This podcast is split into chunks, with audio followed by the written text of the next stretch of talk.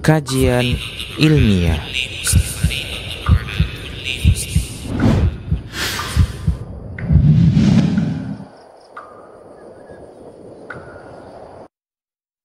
Bismillah, Assalamualaikum warahmatullahi wabarakatuh. Alhamdulillah, wassalatu wassalamu ala rasulillah Wa alihi wa man wala amma Pemirsa Asia TV yang dirahmati Allah di mana pun Anda berada, puji dan syukur kita kepada Allah Subhanahu wa Ta'ala karena atas limpahan nikmat karunia taufik dan juga hidayah dan juga nikmat-nikmat lain yang masih banyak Allah berikan kepada kita sampai hari ini. Alhamdulillah kita bisa bertemu dan berkumpul kembali di stasiun televisi kesayangan kita bersama Asia TV, saluran dakwah keluarga Islami. Dan tak lupa, semoga salawat dan salam senantiasa tercurah untuk uswah sana kita, makhluk termulia yang pernah hidup di atas dunia, Nabi kita, Nabi besar Muhammad sallallahu alaihi wasallam dan semoga salawat dan salam itu senantiasa tersambung untuk istri-istri beliau, sahabat-sahabat beliau, keluarga-keluarga beliau dan juga orang-orang yang teguh memegang dan menjalankan sunnah beliau sampai hari kiamat. Pemirsa Rasyad TV yang dirahmati Allah di mana pun Anda berada, seperti biasanya setiap pekan pada hari Jumat pukul 8.30 waktu Indonesia bagian Barat sampai dengan pukul 9.30 waktu Indonesia bagian Barat, Insya Allah Ta'ala, Nusya TV mempersembahkan kajian ilmiah dengan judul Ibadah Ringan Berpahala Besar yang insya Allah Ta'ala akan disampaikan oleh guru kita Ustadz Mizan Qudsiah LCMA Fizullah Ta'ala yang disiarkan langsung dari studio uh, eh, MQH TV di Lombok. Dan pemirsa Nusya TV yang dirahmati Allah di mana pun Anda berada, perlu kami sampaikan insya Allah Ta'ala kajian akan berlangsung menjadi dua sesi. Sesi pertama insya Allah ta'ala Ustadz nanti akan menyampaikan materi sesuai dengan judul yang telah kita sampaikan tadi kepada Anda semua.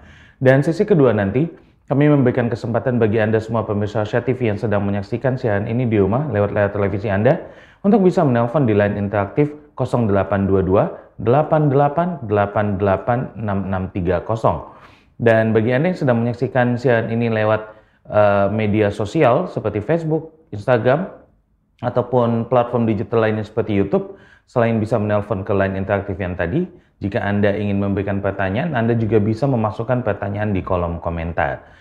Baik, pemirsa ini yang dirahmati Allah di mana pun Anda berada, kita luruskan niat kita bahwasanya kita berkumpul di pagi hari ini untuk menuntut ilmu, mencari keberkahan dari ridho Allah Subhanahu wa keberkahan dan ridho Allah Subhanahu wa taala dan tentu nantinya kita harapkan ilmu yang kita dapat dari guru kita Ustadz Mizan Kutsial Sema Hafizullah taala bisa bermanfaat untuk kita dan kita bisa amalkan dalam kehidupan kita sehari-hari. Kita luruskan niat kita dan kita akan mulai kajian kajian ilmiah kita pada pagi kali ini dengan judul Ibadah Ringan Berpahala Besar bagian 5 ke, kepada Ustadz Mizan Qudsi LCMA Fizullah Ta'ala Falyatafaddal Maskur Ustadz. Assalamualaikum warahmatullahi wabarakatuh.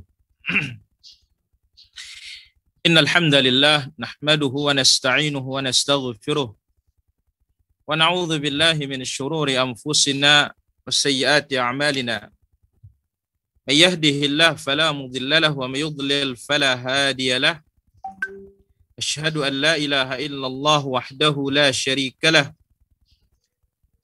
وأشهد أن محمدا عبده ورسوله. يا أيها الذين آمنوا اتقوا الله حق تقاته ولا تموتن إلا وأنتم مسلمون. يا أيها الناس اتقوا ربكم الذي خلقكم من نفس واحدة وخلق منها زوجها وبث منهما رجالا كثيرا ونساء واتقوا الله الذي تساءلون به والأرحام إن الله كان عليكم رقيبا. يا أيها الذين آمنوا اتقوا الله وقولوا قولا سديدا. يصلح لكم أعمالكم ويغفر لكم ذنوبكم. ومن يطع الله ورسوله فقد فاز فوزا عظيما أما بعد. فإن أحسن الكلام كلام الله. وخير الهدى هدى المصطفى محمد صلى الله عليه وسلم. وشر الأمور محدثاتها. wa kullu muhdatsatin bid'ah wa kullu bid'atin dhalalah wa kullu dhalalatin finnar. Ma'asyaral muslimin wal muslimat para pemirsa Rasyad TV di mana pun berada yang dimuliakan oleh Allah Azza wa Jalla. Yang sudah tergabung di kesempatan pagi yang berbahagia ini baik yang dari live Facebook demikian juga yang live melalui TV satelit, di satelit Telkom.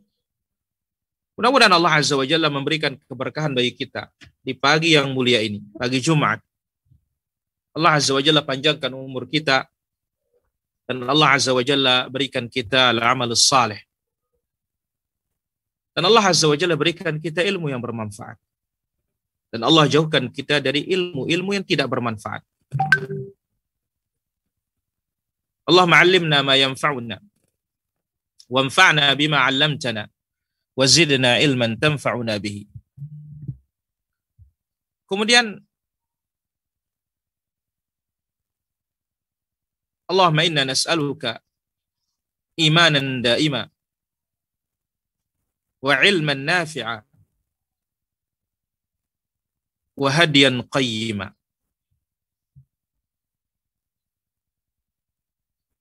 Para pemirsa Rasyad TV yang dimuliakan Allah Subhanahu wa taala. Perbanyak terus salawat di hari yang mulia ini bagi Nabi kita, Nabi besar, Nabi Muhammad sallallahu alaihi wa ala alihi wa sahbihi ajma'in. Hadirin, para pemirsa ini muliakan oleh Allah Subhanahu wa taala. Pagi ini akan kita ambil bagian kelima dari amalan ringan berpahala besar. Ini salah satu tentu kemudahan dari syariat kita. Yang mana Allah Azza wa Jalla kasih kita amalan-amalan yang itu diberikan keringanan oleh Allah Azza wa Jalla mudah dan gampang untuk melaksanakannya namun pahalanya sangat besar di sisi Allah Subhanahu wa taala. Nah, akan kita ambil pada kesempatan pagi hari ini beberapa hal kaitannya dengan al-azkar, zikir. Zikir ringan, pahalanya besar. Kita ambil yang pertama dari Mus'ab ibn Sa'ad. Mus'ab ibn Sa'ad radhiyallahu an. Beliau berkata, "Haddatsani abi." Bapakku menceritakan aku. Qala kunna inda Rasulillah sallallahu alaihi wasallam. Beliau berkata, ketika kami berada di sisi Nabi Shallallahu Alaihi Wasallam, faqala Nabi Alaihi Wasallam bertanya, Ayajizu ahadukum an yaksiba kulla yawmin alfa hasanah? Apa tidak mampu seorang di antara kalian setiap hari itu meraup seribu pahala? Bukan seribu untung ini, seribu pahala.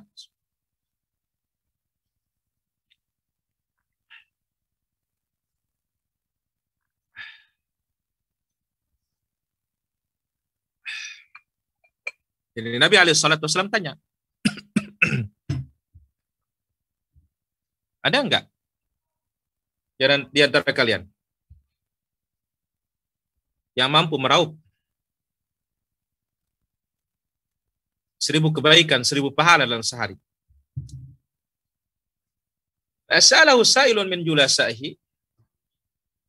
Ada sahabat yang bertanya kepada Nabi Shallallahu Alaihi Wasallam, Kaifa yaksibu ahaduna alf hasanah? Bagaimana caranya seorang di antara kita ini bisa meraih seribu pahala, ya Rasulullah? Apa tipsnya? Apa caranya? Qala yusabbihu mi'ata tasbihah. Dia bertasbih seratus kali. Subhanallah, subhanallah, subhanallah, subhanallah, subhanallah. Subhanallah, subhanallah, subhanallah, subhanallah, subhanallah. Subhanallah, subhanallah, subhanallah, subhanallah, subhanallah. Subhanallah, subhanallah, subhanallah, subhanallah, subhanallah. Subhanallah, subhanallah, subhanallah, subhanallah, subhanallah. Subhanallah, subhanallah, subhanallah, subhanallah, subhanallah. Subhanallah, subhanallah, subhanallah, subhanallah, subhanallah. Subhanallah, subhanallah, subhanallah, subhanallah, subhanallah. Subhanallah, subhanallah, subhanallah, subhanallah, subhanallah. Subhanallah, subhanallah, subhanallah, subhanallah, subhanallah. Sudah 50 saya dapat. Berarti apa? Baru dapat 500. Jadi Nabi Shallallahu Alaihi Wasallam katakan dia bertasbih 100 kali. Fayuktabulahu alf hasanah. Maka Allah Azza wa catat baginya seribu pahala. Au yuhattu anhu alfa khati'ah. Atau Allah Azza wa hapus darinya seribu dosa. Hadis ini dikeluarkan Imam Muslim dalam kitab Da'awat, keutamaan tahlil dan tasbih dan doa. Tetapi perlu dipahami apa hakikat tasbih. Hakikat tasbih adalah satu, tanzihullah anin naqais, mensucikan Allah Azza wa Jalla dari sifat kekurangan. La ta'khudhuhu sinatun wala. Lam yattakhid walada wala sahibah. Wa ma massana min lughub. Harus kita sucikan. Yang kedua, tanzihullah an yushabih sifat al-makhluqin. Sucikan Allah Azza wa Jalla dari menyerupai sifat-sifat makhluk. Maka kaidah halus sunnah wal jamaah ketika menetapkan sifat Allah Azza wa Jalla ada dalam firman Allah Azza wa Jalla laisa kamitslihi syai wa huwas samiul basir. Tidak ada yang serupa dengan Allah Azza wa Jalla apa pun dan dia Maha mendengar lagi Maha melihat. Laisa kamitslihi syai. Nafyu tashbih Watamthil, meniadakan keserupaan dan kesamaan. Tetapi tidak cukup. Tapi harus apa? Isbat. Kamalu diddihi. Ya, menetapkan kesempurnaan lawan dari kekurangan tersebut. Jadi nggak cukup hanya ya meniadakan kekurangan saja. Tapi harus ditetapkan kesempurnaan tersebut. Wa huwa samiul basir. Allah Azza wa Jalla Maha mendengar lagi Maha melihat. Ini isbatun bila tashbih. Jadi kaidah halus sunnah wal jamaah. Isbatun bila tashbih. Tetapkan nama-nama sifat-sifat Allah yang tertera dalam Al-Quran, tertera dalam hadis yang sahih tanpa diserupakan dengan makhluknya. Maka kita katakan Allah Azza wa Jalla Maha mendengar tidak sama dengan pendengaran makhluknya. Allah Azza wa Jalla Maha melihat tidak sama dengan penglihatan makhluknya. Wa tanzihun bila ta'til. Sucikan kesamaan sucikan dari keserupaan, tapi jangan diingkari. Maka kita katakan Allah di atas layak dan kebesarannya tidak serupa dengan makhluknya. Allah Azza wa Jalla punya tangan, layak dengan kebesarannya, tidak serupa dengan tangan makhluknya. Allah Azza wa Jalla punya betis, layak dengan kebesarannya, tidak serupa dengan makhluknya. Allah Azza wa Jalla memiliki kaki, layak dengan kebesarannya, tidak serupa dengan makhluknya. Allah Azza wa Jalla memiliki wajah, layak dengan kebesarannya, tidak serupa dengan makhluknya. Nggak boleh kita mengatakan bahwasanya Allah tidak punya muka. Oh, lain arti muka. Allah tidak di atas, lain arti di atas. Allah Azza wa Jalla tidak punya betis, lain makna sak. Allah tidak punya kaki, lain makna kaki. Tidak boleh. Ini namanya ta'til. Mengingkari sifat Allah subhanahu wa ta'ala. Nah, inilah dia baru tasbih yang benar yang akan diganjar oleh Allah Azza wa Jalla seribu pahala ini. Sucikan Allah Azza wa Jalla dari sifat-sifat kurang dan celak. Kemudian sucikan Allah Azza wa Jalla dari menyerupai sifat-sifat makhluknya. Maka tetapkan sifatnya sesuai dengan Quran dan Sunnah dan tiadakan keserupaan. Inilah yang akan mendapatkan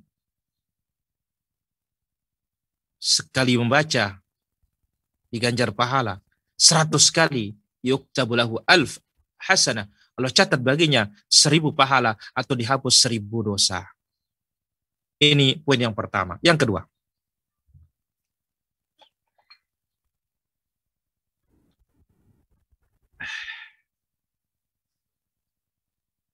An Shaddad bin Aus radhiyallahu anhu arda.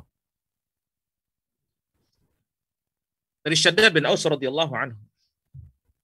Ani Nabi sallallahu alaihi wasallam qala. Dari Nabi sallallahu alaihi wasallam bersabda. Sayyidul istighfar. Penghulunya istighfar.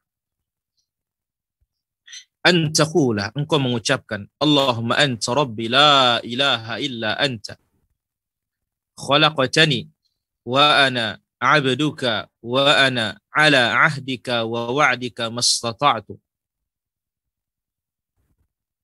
a'udzu bika min syarri ma sana'tu abu'u laka bi ni'matika alayya wa abu'u laka bi dhanbi faghfir li fa innahu la yaghfiru dhunuba illa anta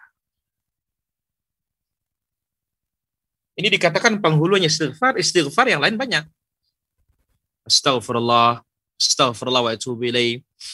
Astaghfirullah alladzi la ilaha illa huwal hayyul qayyum wa atubu ilaih. Rabbi ghafirli wa tub alayya innaka antat tawwabur. Ini semuanya istighfar, permintaan ampun. Tapi di sini apa? Sayyid penghulunya. Ini istighfar yang paling hebat sudah. Itu kita mengucapkan Allahumma anta rabbi la ilaha illa. Ya Allah, engkau lah Rabbku. Tidak ada ilah yang berhak diibadahi kecuali engkau. Khalaqtani wa ana abduka. Engkau telah menciptakan aku. Dan aku hambamu. Wa ana ala ahdika wa wa'dika. Mastata'tu. Dan aku berada di atas janjimu. Dan janji baikmu semampuku. Bika min syarri ma sana'tu. Aku berlindung kepadamu dari keburukan yang telah aku perbuat. Abu alaka bi ni'matika ali. Aku mengakui nikmatmu atas diriku. Wa abu alaka bi dzambi dan aku mengakui dosaku terhadap engkau ya Allah. Faghfirli, maka ampunilah aku. Fa innahu la yaghfiru dzunuba illa anta. Sebab tidak ada yang mengampuni dosa kecuali engkau. Apa kata Nabi Shallallahu Alaihi Wasallam tentang zikir ini? Doa ini ringan tapi pahalanya besar. Mangqalaha minan nahari muqinan biha. Siapa membacanya di pagi hari? Yakin dengan memahami maknanya, mengilmuinya dengan sempurna. Famata min yaumihi qabla an yumsi. Lalu dia mati pada hari itu sebelum sore bahwa min ahli jannah maka dia termasuk penduduk surga. Wa man qalaha min al-lail wa huwa muqinun biha. Siapa mengucapkannya di malam hari?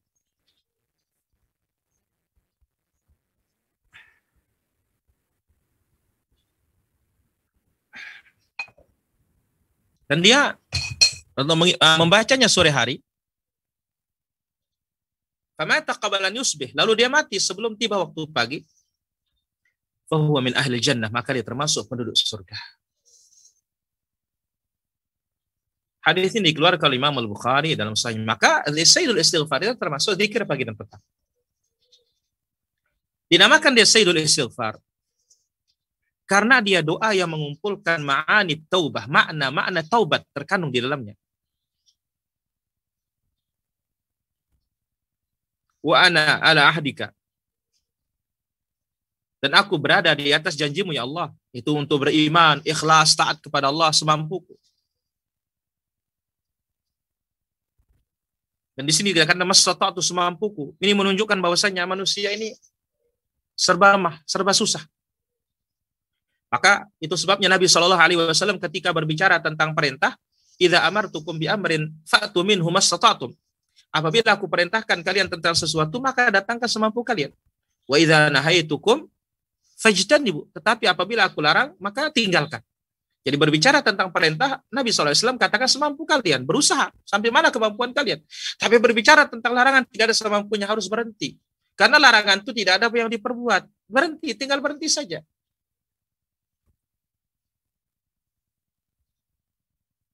Ini yang kedua. Sayyidul Istighfar. Yang pertama tasbih 100 kali. Yang kedua Sayyidul Istighfar pagi dan petang. Yang ketiga zikir ringan berpahala besar. An Abi Hurairah radhiyallahu anhu anna Rasulullah sallallahu alaihi wasallam qala Dari Abu Hurairah radhiyallahu anhu Rasulullah sallallahu alaihi wasallam bersabda dan ini momennya Man shalla alayya wahidatan sallallahu alaihi asyra Barang siapa yang bersalawat kepadaku sekali saja, maka Allah Azza wa Jalla berikan dia salawat 10 kali. Hadis ini dikeluarkan oleh Imam Muslim dalam sahihnya. Apa arti salawat Allah kepada hambanya? Rahmatuhu wa tad'ifu ajrihi. Kasih sayang dari Allah dan Allah Azza wa Jalla lipat gandakan pahalanya. Abu Aliyah mengatakan salawat dari Allah itu doa. Afwan, salawat dari Allah itu sana, pujian. Jadi Allah memuji kita di hadapan para malaikatnya. Adapun salawat dari makhluk, dari malaikat, dari kita itu artinya adalah doa. Lebih-lebih hari Jumat. Ya. Maka Nabi Shallallahu Alaihi Wasallam ingatkan di dalam hadisnya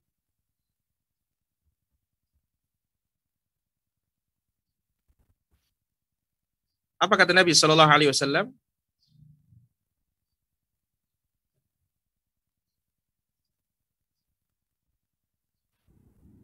Nabi alaihi wasallam menyebutkan dalam beberapa riwayat dalam hadis Aus bin Aus, Nabi alaihi wasallam bersabda, "Inna min afdali ayyamikum yaumal jum'ah." Hari kalian yang paling mulia itu hari Jumat. Fa'akthiru 'alayya minas salati fi. Perbanyaklah salawat perbanyaklah salawat kalian untukku di hari Jumat. Fa inna salatakum ma'rudatun 'alayya karena salat kalian itu akan dihadapkan kepadaku. Qala faqali Rasulullah kaifa turadu salatuna alaik? Bagaimana salawat kami akan dihadapkan kepadamu waqad arim au aram sementara engkau sudah hancur lebur. Qala yaqulun balid, engkau sudah lebur. Qala inna Allah harrama 'alal ar an ta'kul ajsad al-anbiya aw inna Allah harrama 'alal ar ajsad al-anbiya. Sesungguhnya Allah Azza wa Jalla mengharamkan jasadnya para nabi itu ya untuk dimakan oleh tanah, dimakan oleh bumi. Maka sangat mulia kita perbanyak salawat kita kepada Rasulullah sallallahu alaihi wasallam. Dan tentu bersalat kepada Nabi Shallallahu Alaihi Wasallam juga ini bentuk kita berbakti kepada kedua orang tua kita. Karena ketika kita bersalawat Allah Azza wa Jalla menyebutkan fulan ibnu fulan. Jadi kita dapat orang tua kita juga mendapatkan bagian. Maka perbanyak salat kepada Rasulullah Sallallahu Alaihi Wasallam. Dan salat yang paling sempurna, paling afdal salat Ibrahimiyah. Allahumma salli ala Muhammad wa ala ali Muhammad kama sallaita ala Ibrahim wa ala ali Ibrahim innaka Hamidum Majid. Allahumma barik ala Muhammad wa ala ali Muhammad kama barakta ala Ibrahim wa ala ali Ibrahim innaka Hamidum Majid. Bisa juga yang biasa Allahumma salli wa sallim alaihi Allahumma salli wa sallim ala nabina Muhammad atau sallallahu alaihi wasallam sallallahu alaihi wasallam. Dan ingat, akan lebih besar lagi ya ketika mendengar nama Nabi alaihissalatu wassalam. Disebut. Ya, ada konsekuensi di baliknya. Di antaranya Nabi Shallallahu Alaihi Wasallam menyebutkan ketika Nabi Shallallahu Alaihi Wasallam naik di atas mimbar, ya, Nabi Shallallahu Alaihi Wasallam mengatakan amin.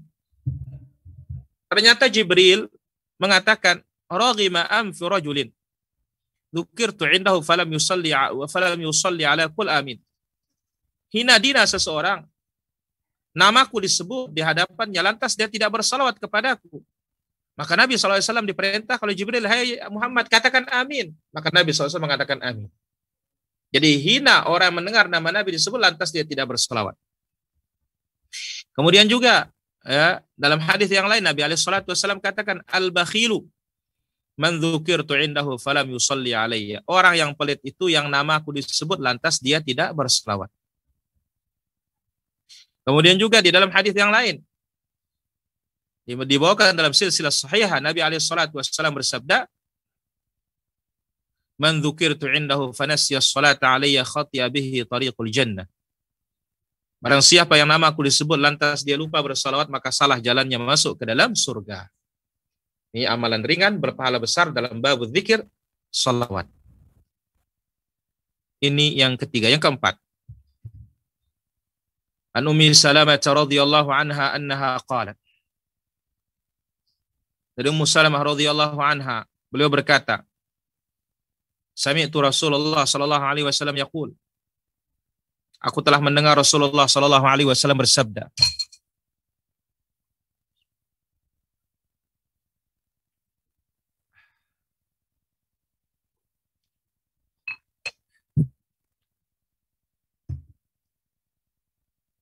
ma min muslimin tusibuhu musibah. Tidaklah seorang muslim ditimpa musibah. Fayaqulu ma amarahullah. Di saat dia ditimpa musibah, dia mengucapkan sebagaimana diperintah oleh Allah Azza wa Jalla. Apa itu? Inna lillahi wa inna ilaihi raji'un. Allahumma ajurni fi musibati wa akhlif li khairan minha illa akhlafallahu lahu khairan minha. Jadi tidaklah seorang tidaklah seorang muslim ditimpa musibah lalu dia baca zikir yang tadi la inna lillahi wa inna ilaihi raji'un. Sesungguhnya kita itu milik Allah akan kembali kepada Allah Azza wa Jalla. Ya, kita ini milik Allah kembali kepada Allah. Inna lillahi ma akhadha wa lahu ma Apa yang diberikan itu milik Allah, apa yang diambil juga milik Allah. Allah ma'jurni fi musibati. Ya Allah, berilah aku ganjaran pahala pada musibahku ini. Beri aku ganjaran pahala ya Allah pada musibahku ini wa akhlif li minha. Dan gantikanlah bagiku dengan yang lebih baik dari musibah ini. Nah, siapa membaca ini, pasti Allah gantikan dia dengan yang lebih baik. Qalat. Ummu Salamah radhiyallahu anha mengatakan, "Falamma mata Abu Salamah." Ketika Abu Salamah radhiyallahu anhu meninggal dunia, qultu aku berkata, "Ayyul muslimina khairu min Abi Salamah?" Siapakah kaum muslimin yang lebih baik dari Abu Salamah? awwalu baitin hajar ila Rasulillah sallallahu alaihi wasallam, rumah pertama ya, rumah tangga pertama yang hijrah ya kepada Rasul sallallahu alaihi wasallam.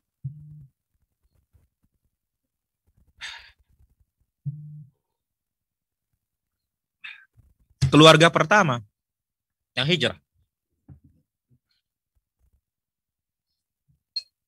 Awalu baitin hajar ila sallallahu alaihi wasallam. Thumma inni qultuha. Kemudian aku baca apa yang diajarkan oleh Nabi Shallallahu Alaihi Wasallam tersebut. Fa'akhlafallahu li Rasulullah Sallallahu Alaihi Wasallam maka Allah gantikan bagiku dengan Rasulullah Sallallahu Alaihi Wasallam. Jadi Abu Salamah diganti oleh Rasul Sallallahu Alaihi Wasallam. Tentu tidak ada yang lebih baik dari Rasul Sallallahu Alaihi Wasallam. Maka terbukti zikir ini langsung diijabah oleh Allah Tabaraka wa Taala. Ya,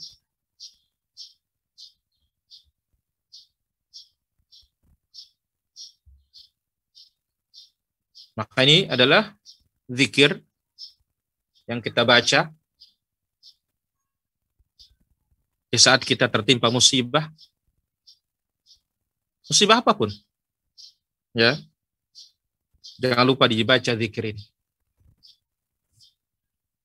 Dan Allah Azza wa Jalla punya janji. Illa al-akhlafahullah minhu Melainkan Allah subhanahu wa ta'ala gantikan dengan yang lebih baik.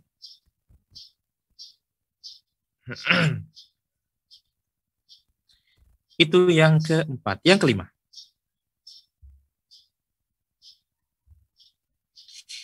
An Ibnu Abbas radhiyallahu anhuma 'an Nabi sallallahu alaihi wasallam qala Dari Ibnu Abbas radhiyallahu anhuma dari Nabi sallallahu alaihi wasallam beliau bersabda mal amalu fi ayyamin afdala minha fi hadal ashr. Tidak ada hari-hari yang amalan paling dicintai oleh Allah Subhanahu wa taala selain dari amalan di 10 pertama ini. Qalu walal jihadu ya Rasulullah. Para sahabat bertanya bagaimana jihad fisabilillah ya Rasulullah? Apakah juga tidak bisa menandingi amalan saleh di 10 pertama Zulhijjah? Qala walal jihadu. Nabi sallallahu alaihi wasallam mengatakan hatta jihad.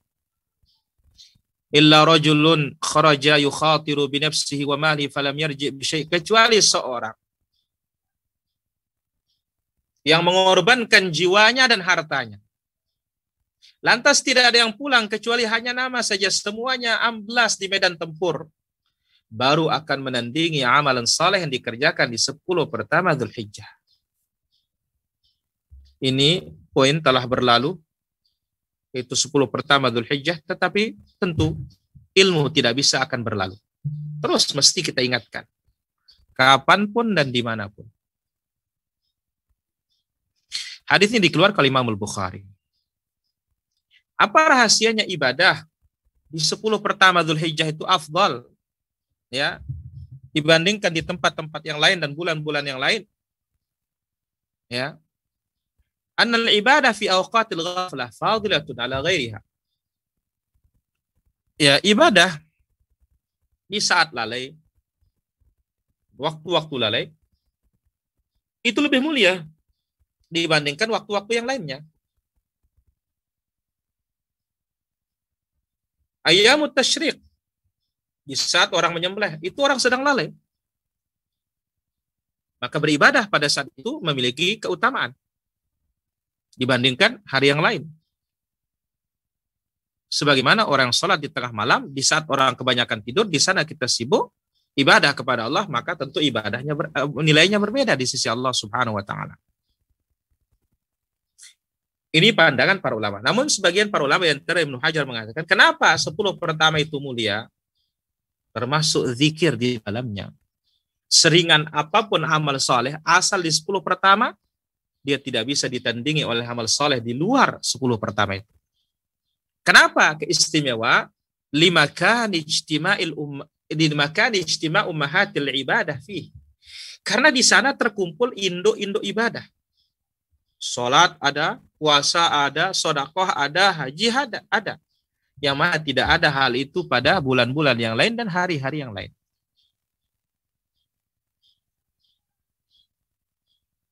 Dan pertanyaan sahabat yang mempertanyakan bagaimana kalau jihad, ini menunjukkan keutamaan jihad. Tapi ternyata jihad pun tidak mampu menandingi amal saleh, meskipun paling ringan. Maka dalam hadis ta'zim qadrihi wa tafawuti darajatihi mengagungkan urusan ibadah itu dan berkelas-kelasnya ibadah itu ya dan puncaknya adalah bagaimana kita badlun nafs lillahi azza wa jalla. Kita korbankan jiwa kita ini untuk taat kepada Allah azza wa jalla. Ini poin yang kelima.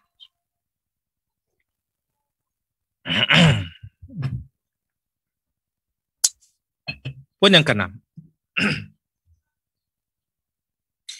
An Musa bin Ali radhiyallahu anhu beliau berkata atau rahimahullah beliau berkata Sami'tu abi yuhaddithu an Uqbah bin Amir. Aku mendengar bapakku menceritakan dari Uqbah bin Amir radhiyallahu anhu. Apa kata Uqbah? Uqbah mengatakan kharaja Rasulullah sallallahu alaihi wasallam wa nahnu fi suffah. Rasul Shallallahu Alaihi Wasallam keluar dari rumahnya saat itu kami sedang berada di emperan Masjid Nabawi, tempat tinggalnya orang-orang muhajirin yang tidak punya keluarga, tidak punya harta.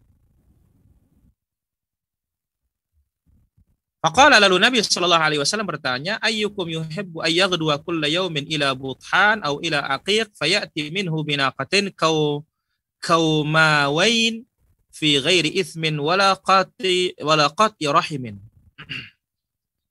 Siapa di antara kalian yang mau setiap pagi datang ke Buthan atau ke lembah Aqiq lalu membawa dua unta yang sangat gemuk dan besar.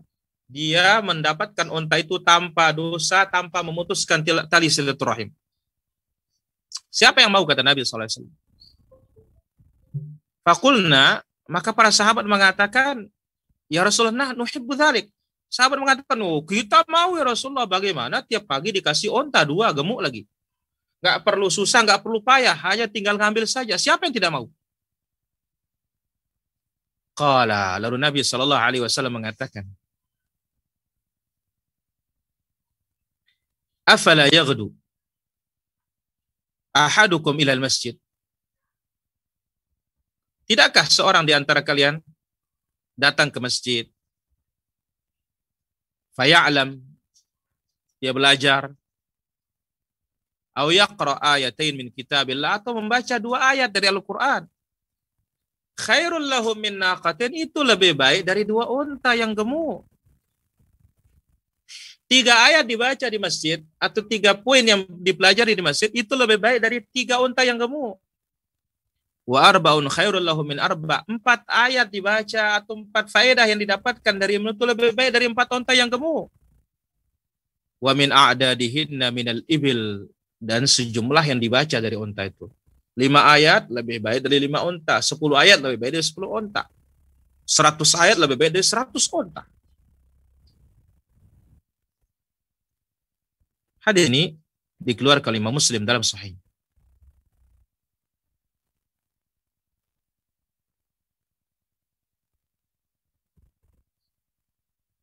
Maka di sini para hadirin, para pemirsa Rasyad TV di mana pun berada,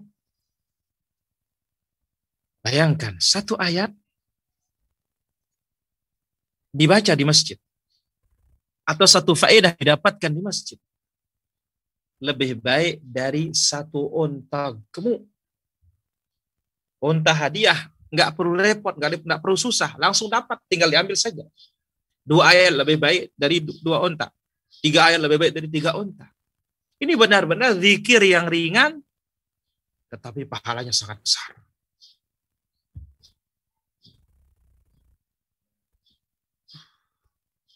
Yang ketujuh, An Abi Hurairah radhiyallahu anhu. Dari Abu Hurairah radhiyallahu anhu beliau berkata, Qala Rasulullah sallallahu alaihi wasallam. Rasulullah sallallahu alaihi wasallam bersabda, Yuhibbu ahadukum idza raja'a ila ahlihi an yajida fi thalatha khalifat idhamin siman. Siapa di antara kalian kata Nabi sallallahu alaihi wasallam, pulang ke rumah ditemukan dia mendapatkan tiga onta yang lagi bunting. Besar, besar dan bunting. Siapa kira-kira? Pulang sampai di rumah ditemukan di rumahnya tiga onta gemuk bunting besar. Ya.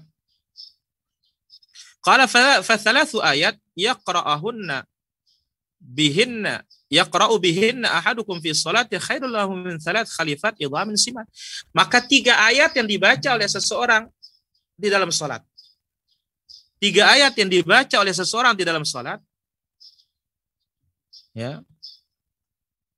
Maka itu lebih baik dari tiga unta yang gemuk bunting tersebut. Subhanallah.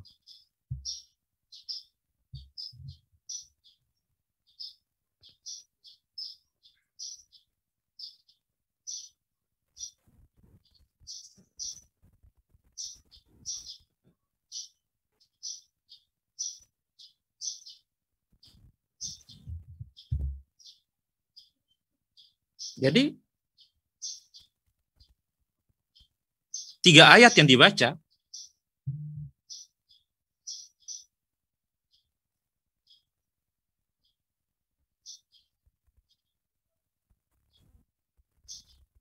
di dalam sholat dibaca. Tiga ayat, empat ayat, lima ayat, terus seperti itu. Sebagaimana hadis sebelumnya.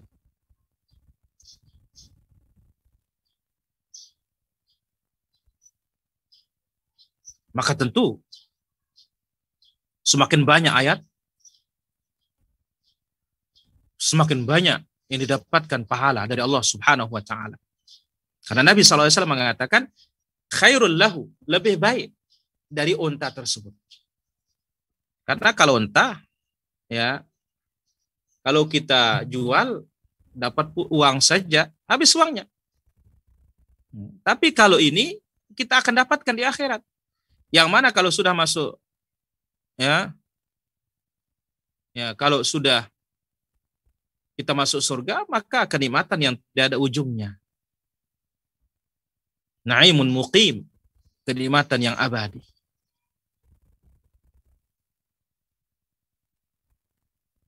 Ini yang ke-7. Kemudian yang ke-8, An Abdullah bin Mas'ud radhiyallahu anhu qala qala Rasulullah sallallahu alaihi wasallam. Dari Abdullah bin Mas'ud radhiyallahu anhu beliau berkata Rasulullah sallallahu alaihi wasallam bersabda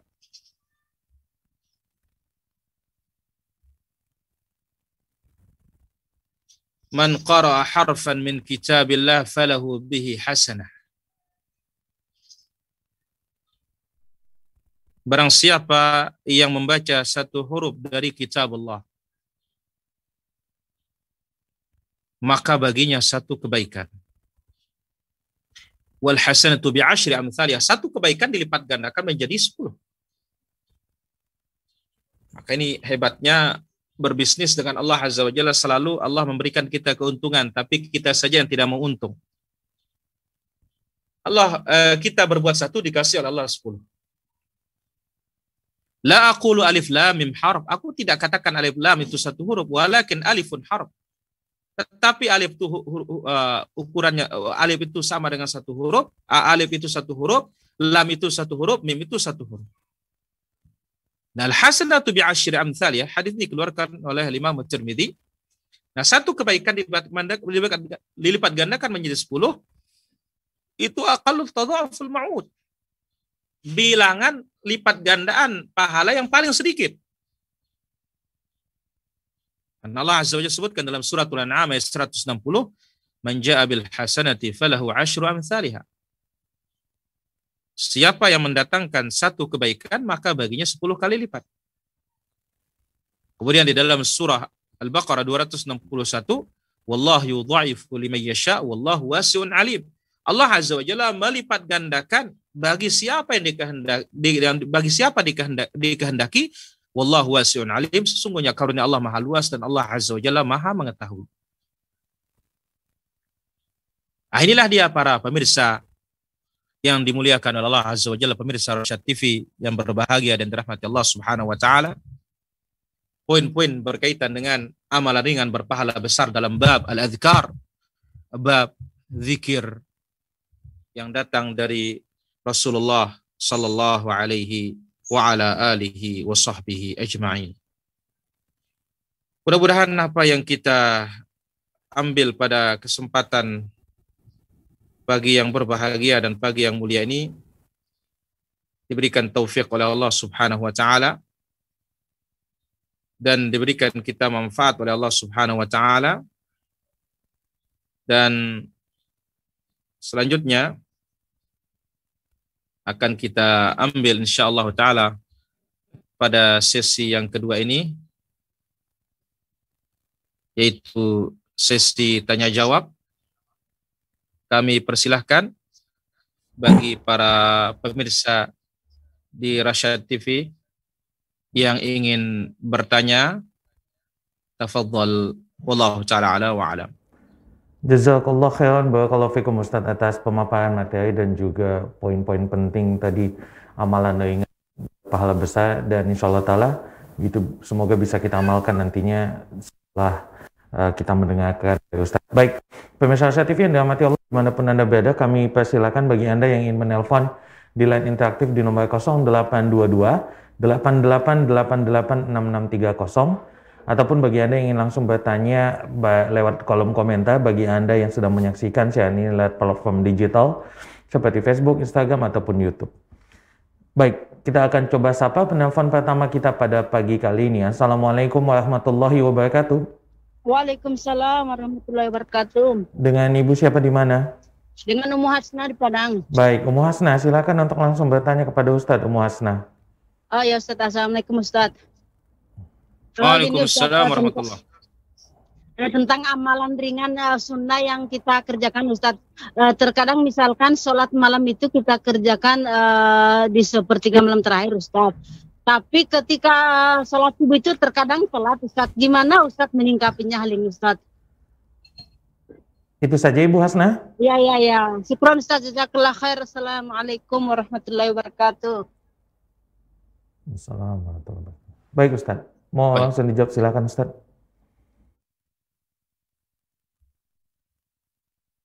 Kita jawab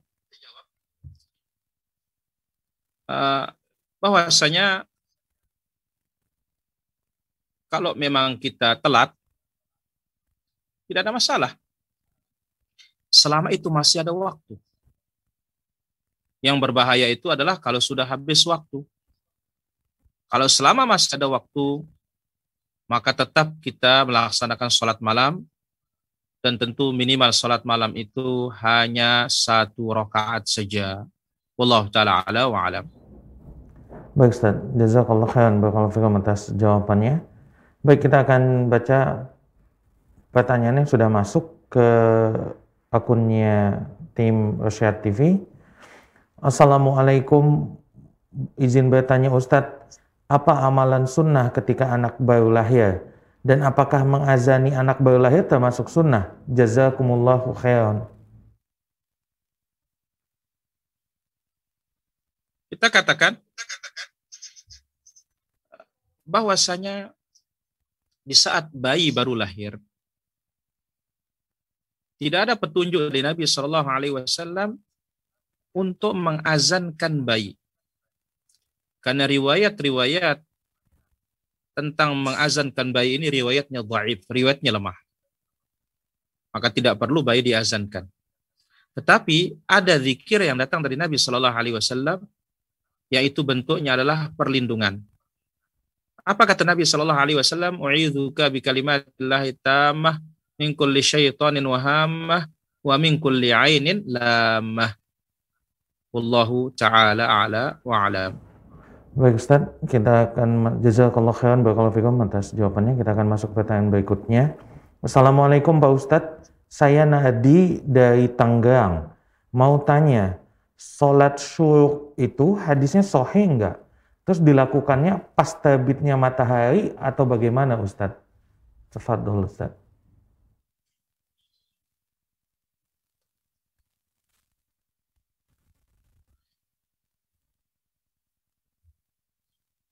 Salat syuruk riwayatnya disahihkan atau dihasankan oleh sebagian para ulama kita di antaranya Imam Muhammad Nasruddin Al-Albani rahimahullahu taala. Maka kita katakan bahwasanya inilah derajat minimal hadis itu hasan dan hadis itu boleh untuk diamalkan. Wallahu taala ala wa alam. Dan kapan waktunya?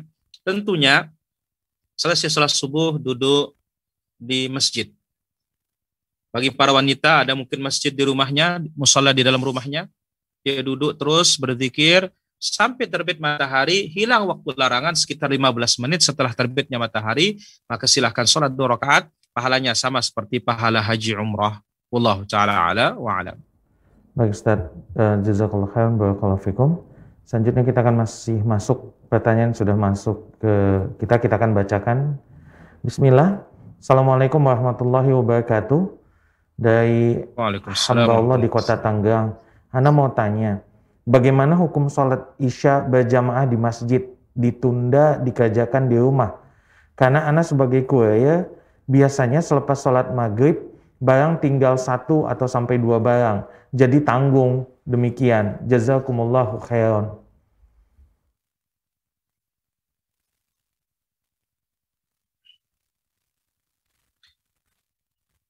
Uh, namanya as-salawat. Allah Azza wa Jalla menyebutkan dalam Al-Quran, Hafidhu ala salawat. Jaga salat-salat itu. Was salatil wusta dan salat asar.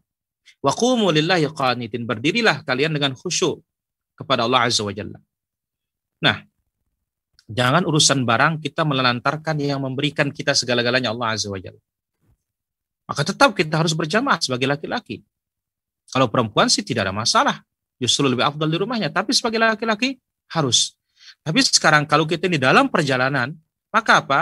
Maghrib dan Isya boleh untuk dijama. Kalau itu perjalanan yang sudah membolehkan kita untuk menjama, itu 15 kilo ke atas. Ya, tapi kalau kurang dari itu, tetap wajib berjamaah di masjid.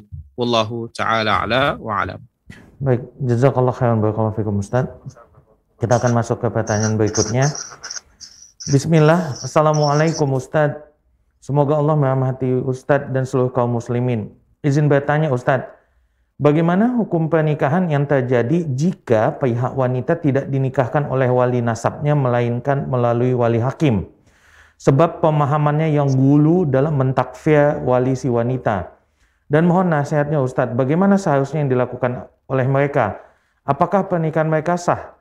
Karena melalui pernikahan mereka itu mereka telah dikaruniai, dikaruniai anak. Dan bagaimana nasib nasab anak tersebut Ustadz? Dan Alhamdulillah saat ini mereka telah bertaubat dari pemahaman-pemahaman yang menyimpang dan berusaha untuk menuntut ilmu syar'i sesuai dengan pemahaman salafus soleh. Tafadhol Ustaz.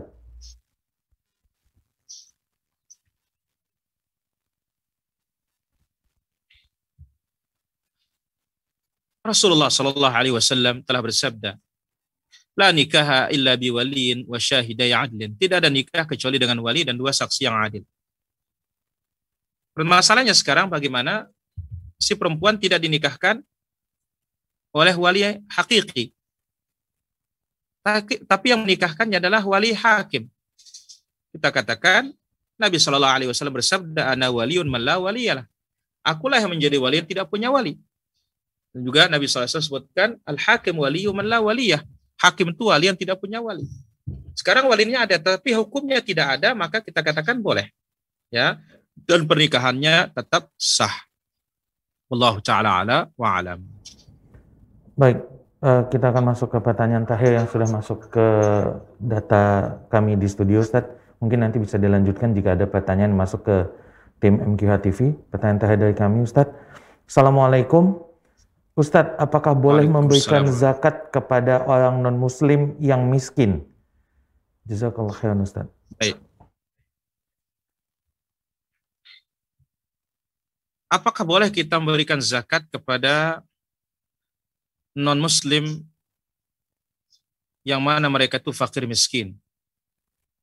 Kalau mereka ini adalah bukan harbi, ya atau kalau mereka ini memang dibutuhkan harbi tetapi diperlukan untuk ta'liful qulub menjinakkan hati mereka boleh, tidak ada masalah.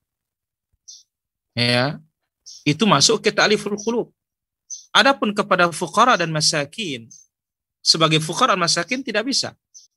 Karena fuqara dan masakin di sini fuqara masakinnya kaum muslimin. Ya, dan ini masalahnya zakat wajibah, zakat wajib. Ya. Namun kalau itu bagian dari ta'liful qulub, masuk dia kepada al-muallafati qulubuhum yang perlu dijinakkan hatinya. Wallahu taala ala wa alam. Baik. Baik, ya. kita akan ambil di sini ada pertanyaan. Uh, Assalamualaikum warahmatullahi Bagaimana hukumnya tetangga di sebelah rumah minta tolong masak untuk acara tujuh bulanan? Rasulullah Shallallahu Alaihi Wasallam bersabda, "Wa ta'awanu 'alal birri wat taqwa, wa la ta'awanu 'alal itsmi wal 'udwan." Tolong menolong dalam kebaikan dan ketakwaan dan jangan tolong menolong dalam perbuatan dosa dan permusuhan. Nah, amalan yang tidak ada petunjuk dari Nabi Shallallahu Alaihi Wasallam seperti tujuh bulanan, ya di istilahnya eh, bilas perut, cuci perut, ini adalah manzalallah bihamin sultan. Tidak ada bukti akan kebolehannya dari Allah Azza wa Jalla, maka tidak boleh untuk diamalkan dan tidak boleh untuk dibantu dan berikan dia nasihat, berikan dia nasihat uh, wejangan yang baik, masukan yang baik. Wallahu taala ala wa alam. Kemudian pertanyaan berikutnya sini.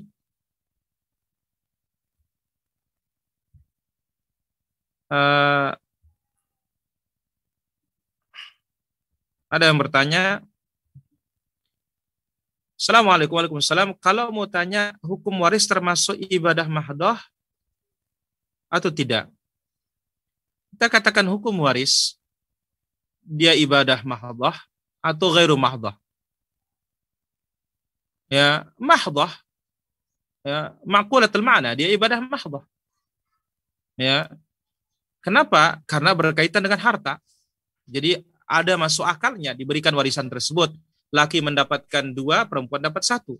Kenapa? Karena perempuan itu akan bertemu dengan suaminya yang bawa dua, jadi tiga. Nah, si laki-laki akan bertemu dengan perempuan yang bawa satu, maka menjadi tiga juga. Dia bawa dua, istrinya bawa satu. Wallahu ta'ala ala wa alam. Kemudian pertanyaan berikutnya. Uh, apakah air panas atau air hangat dicampuri air dingin bisa dipakai untuk mandi suci? Kenapa tidak? Bisa. Sebagaimana Ibnu Umar radhiyallahu anhu wallahu taala ala wa alam. Kemudian uh, pertanyaan berikutnya,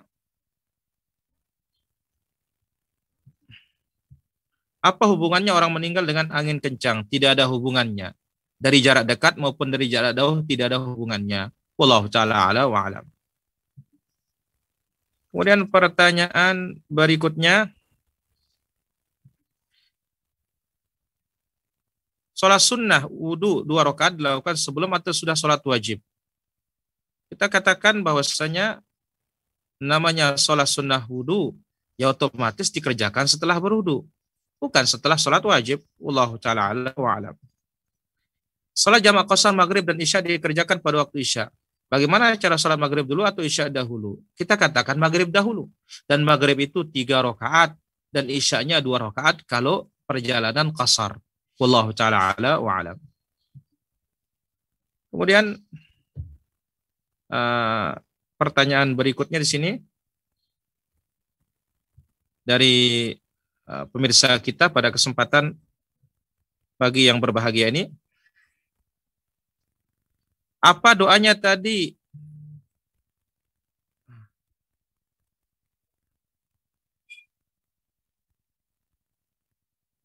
Baik, pertanyaannya.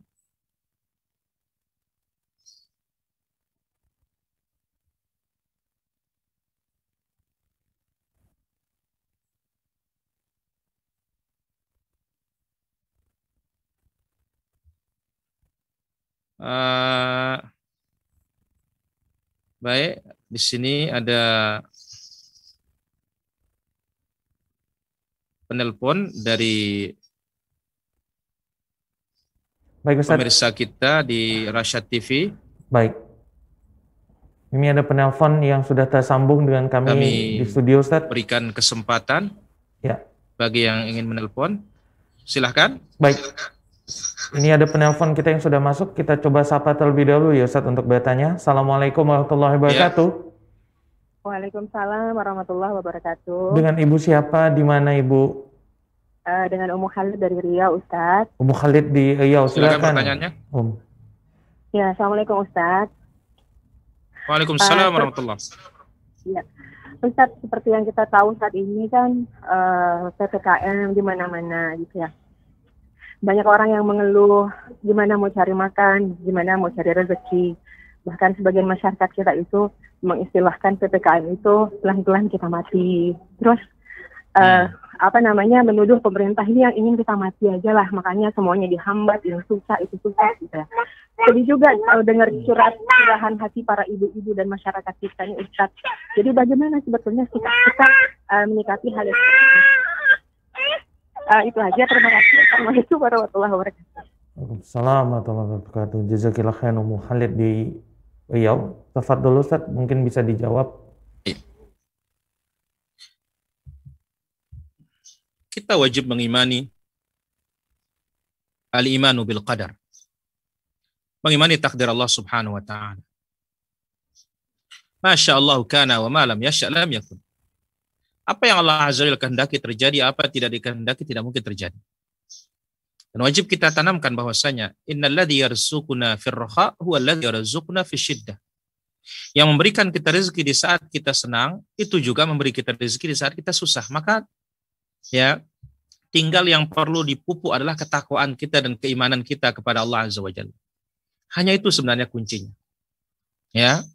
Dan ingat, setiap ada kesulitan, Allah Azza wa Jalla akan berikan kelapangan, ada kemudahannya. Ini wajib kita imani. Asal kita berusaha.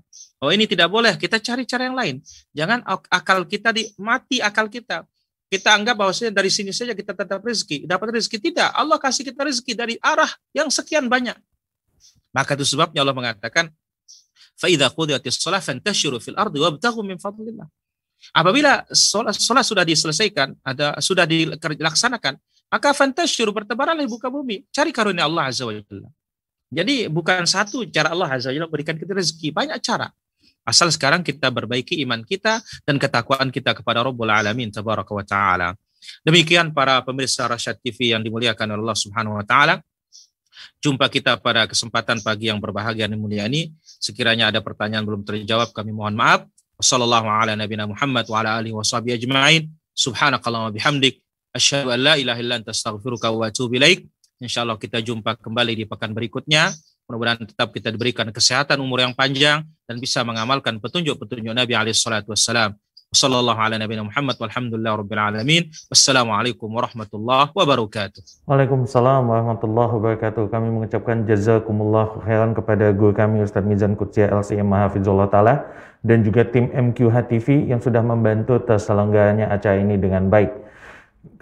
Kami juga mengucapkan jazakumullah khairan barakallahu fikum kepada seluruh pemirsa Syah TV yang sudah menyaksikan tayangan ini dan insya Allah ta'ala kami harap ilmu yang bermanfaat tadi bisa dimanfaatkan dalam kehidupan kita sehari-hari dan kami juga mohon maaf jika tidak semua telepon dan juga pertanyaan bisa kami sampaikan kepada Ustadz.